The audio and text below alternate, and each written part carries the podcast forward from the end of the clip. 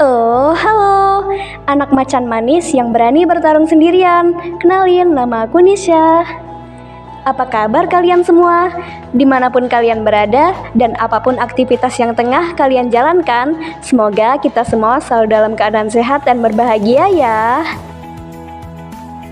Ngomong-ngomong, aku punya pertanyaan untuk kalian semua. Pertanyaannya, apa yang terlintas di pikiran kalian ketika mendengar kata perempuan? Hmm, yap, benar. Perempuan itu gender, perempuan itu ibu, perempuan itu cantik. Apa pun jawaban kalian, sudah pasti benar. Namun, ada satu stereotip tentang perempuan yang menurutku salah besar. Kalian juga pasti sudah mendengarnya. Banyak yang bilang kalau perempuan itu lemah. Mereka-mereka yang bilang gitu, apa nggak sadar kalau terlahir dari seorang perempuan? Menjalani proses mengandung sampai melahirkan itu bukan perkara yang mudah loh, butuh kekuatan besar untuk melakukannya. Dan bisa-bisanya perempuan dianggap lemah. Tapi, ya mau gimana lagi?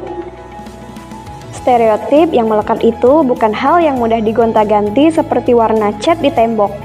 Butuh waktu yang lama, atau mungkin gak akan pernah hilang. Yang bisa dilakuin kaum perempuan adalah mengubah dirinya sendiri agar tidak terus-terusan dianggap lemah. Gimana caranya Nisa? Caranya adalah dengan menjadi high value woman atau cewek yang punya nilai tinggi. Nah, terus caranya jadi high value woman itu gimana nih? Ada beberapa cara yang bisa dilakuin. Yang pertama, tentunya kamu harus jadi perempuan yang beretika. Percuma banget kalau kamu punya wajah yang cantik, tapi kamu nggak beretika. Bahkan etika itu lebih tinggi daripada ilmu loh. Jadi, mulai sekarang kamu harus lebih improve lagi nih girls. Tingkatkan rasa hormat kamu dengan orang lain, jangan memandang rendah orang lain, berperilaku sopan, menghargai pendapat orang lain, dan membantu di saat orang lain kesusahan. Kalau kamu beretika, di mana pun kakimu berpijak, kamu pasti akan dihargai. Dan inilah pondasi utama yang harus dibangun untuk menjadi high value woman. Selanjutnya, stop jadi perempuan yang menye-menye. Menye-menye di sini bukan berarti kamu nggak boleh nangis. Sebagai manusia, tentunya kita nggak selalu kuat untuk menghadapi segala problematika kehidupan. Kamu boleh nangis, tapi jangan terlalu mendramatisir keadaan. Nggak usah marah atau merajuk berlebihan. Nggak usah nyala-nyalain orang lain, Ya, intinya nggak usah terlalu heboh, girls, kalau kamu punya masalah. Apalagi sampai teriak-teriak ngeluarin kata-kata kasar. Waduh, hal ini akan menurunkan value kamu. Nggak boleh gini lagi ya. Kamu harus belajar mengendalikan emosi. Jangan emosi yang mengendalikan kamu. Kamu juga harus belajar mengatasi masalah dengan tenang.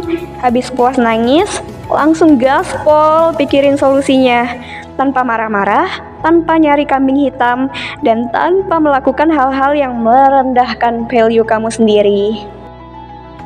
Next, jadilah perempuan yang mandiri. Jangan terlalu manja, jangan terlalu bergantung ke orang lain, apalagi pacar. Hayo, siapa yang masih minta beli ini itu sama pacar?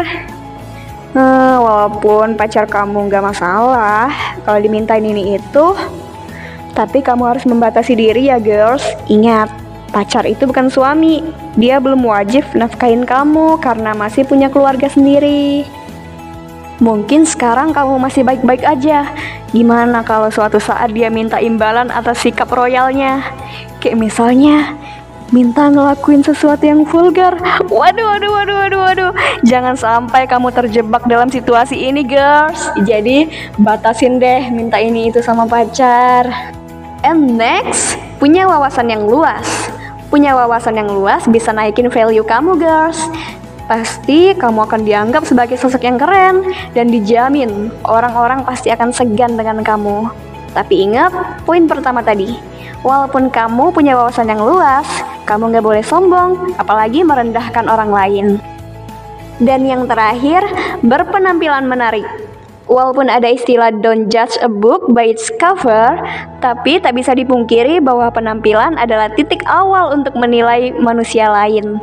Jadi, penampilan kamu harus lebih diperhatikan lagi ya, girls. Tak perlu mahal ataupun branded, yang penting rapi, bersih, nyaman, dan sesuai pada tempatnya.